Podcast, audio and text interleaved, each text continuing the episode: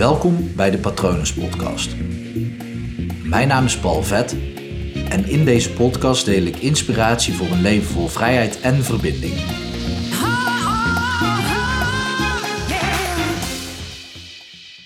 Een bekende uitspraak is: geef iemand een stok en een touwtje in plaats van dat jij het vuur voor hem aanlegt. En daar zit zo'n grote kern van waarheid in langs meerdere kanten. Op het moment dat jij namelijk altijd het vuur voor iemand aanmaakt, dan leert diegene dat nooit zelf. Diegene wordt afhankelijk van jou en je neemt de verantwoordelijkheid van die persoon uit handen. Die persoon zal nooit zelfstandig kunnen opereren. En toch is dat precies wat we in deze wereld uh, vaak proberen te doen op het moment als we mensen helpen. Vaak proberen we mensen te helpen door de verantwoordelijkheid van die persoon uit handen te nemen. Ik kwam dat heel mooi tegen tijdens een coachsessie die ik had. En um, ik ben even aan het bedenken wat een mooie fictieve naam zou zijn. Laten we haar Linda noemen. Zij zat bij mij in de sessie, een jonge dame van in de 20 jaar. En heel intelligent en ze heeft supergoed door hoe het leven werkt. Klinkt zwaar, maar ja, het leven is niet, niet heel ingewikkeld. Uh, maar voor sommige mensen wel. En ik kwam erachter dat zij um, de rol van haar moeder had overgenomen in hun gezin. Niet altijd, maar op sommige punten ging zij haar moeder coachen. Nu is het sowieso een slecht idee. Knoop dit in je oren. Ik ga het nog in een andere podcast heel uitgebreid hierover hebben, want dit vind ik, dit vind ik echt super interessant. Maar het is een slecht idee om je ouders te coachen, want daarmee draai je de rollen om. Omdat de ouders, jouw ouders gaan jou voor en het werkt niet. Het, het, gaat, uh, het geeft frictie en wrijving op het moment dat jij je ouders gaat coachen. Maar goed, dit is wel een mooi voorbeeld waar, uh, waar zij eigenlijk haar moeder continu aan het coachen was. En uh, terwijl ze eigenlijk het liefste wilde dat haar moeder voor zichzelf op zou komen en zelf de touwtjes in handen zou nemen. Maar dit is precies wat er, wat er dus misgaat op het moment als je iemand probeert te redden en je neemt letterlijk de controle uit handen van die persoon. Op het moment als jij met alles wat je zegt, doet en misschien zelfs wel energetisch de verantwoordelijkheid van iemand wil overnemen, dan zal diegene zelf niet meer het idee hebben ook die controle te kunnen pakken. Dat is, uh, dat is echt heel lastig dan voor die persoon, omdat die, die merkt dat daar gewoon geen ruimte voor is. Um, mensen kunnen het laksheid noemen of luiigheid. Uh, ik geloof en ik, ja, ik geloof heel erg in systemen en systeemverbanden. Uh, in, ja, in familiebanden speelt dat heel erg, maar ook tussen vrienden en vriendinnen.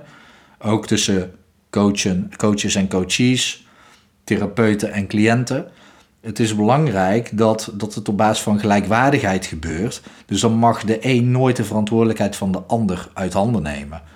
Draagkracht creëer je bij de ander alleen maar door de ander net zo groot te zien als dat jij bent. Of net zo klein, het is maar net hoe je het noemen wilt. Uh, klinkt misschien een beetje wollig dit, maar op het moment als uh, jij iemand helpt, ga dan niet proberen de redder uit te hangen. Ik noem dat het reddersyndroom. Op het moment als je iemand gaat redden, zal diegene nooit zelf leren om te zwemmen.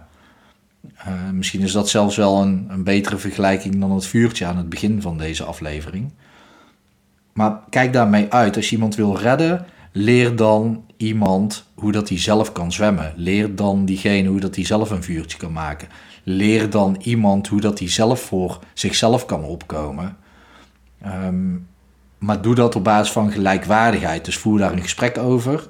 Uh, en pas erop dat je het nooit bij je ouders doet. Want die rol is voor je ouders. En op het moment dat jij je ouders gaat proberen op te voeden, dan ja, daar ontstaat wrijving. Uh, misschien is dat niet altijd het geval. Op het moment dat je een hele vrije en open-minded familie hebt. Um, maar onbewust gaat dat knellen, omdat uh, dat geldt dus niet voor uh, alleen op het moment als als je het bij je ouders doet, dat geldt er ook, ook voor het moment als je bij uh, een vriendin doet, laat staan bij je partner. Op het moment dat jij iemand probeert te redden, dan zal de ander zich kleiner gaan voelen. Dan zal uh, diegene zichzelf minder draagkrachtig voelen. Dan zal diegene ervaren dat hij minder controle heeft, misschien zelfs wel hulpeloosheid. En dat is helemaal niet de intentie waarmee je iemand zou willen helpen. Dus wil je iemand helpen, leer diegene hoe dat hij het zelf kan doen, in plaats van dat jij het voor diegene doet. Trap niet in die valkuil. Vaak is dat namelijk wel de makkelijkste manier om iemand te helpen. Ik doe het wel even voor je, dan ben je er namelijk van af. Echter creëer je dan niet iemand die zelfstandig is en groots is, maar dan creëer je iemand die eigenlijk steeds meer hulpbehoevend wordt. Oké?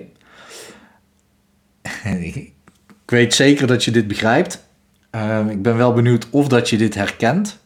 Ik moet eerlijk zeggen dat ik zelf ook vaak genoeg in deze valkuil ben getrapt en soms nog. Een collega sprak me van de week op aan en terecht. Uh, ik probeer er van weg te blijven, maar ik vind het heel fijn om mensen te helpen. Uh, maar ik help mensen het veel, ja, ik help in ieder geval mensen beter door het hen in te laten zien, ook wanneer het een collega is. Ik ben er ook in getrapt om mijn ouders proberen te coachen. Moet ik niet doen. Sorry papa, mama. Uh, ik weet niet of dat ze luisteren. Maar dat, dat is gewoon niet, niet de juiste uh, methode.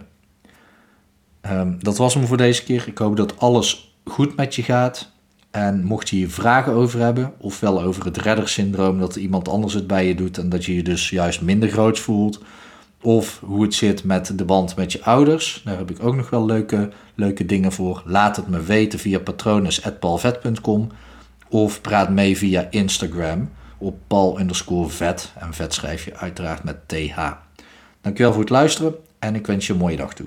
Hoi.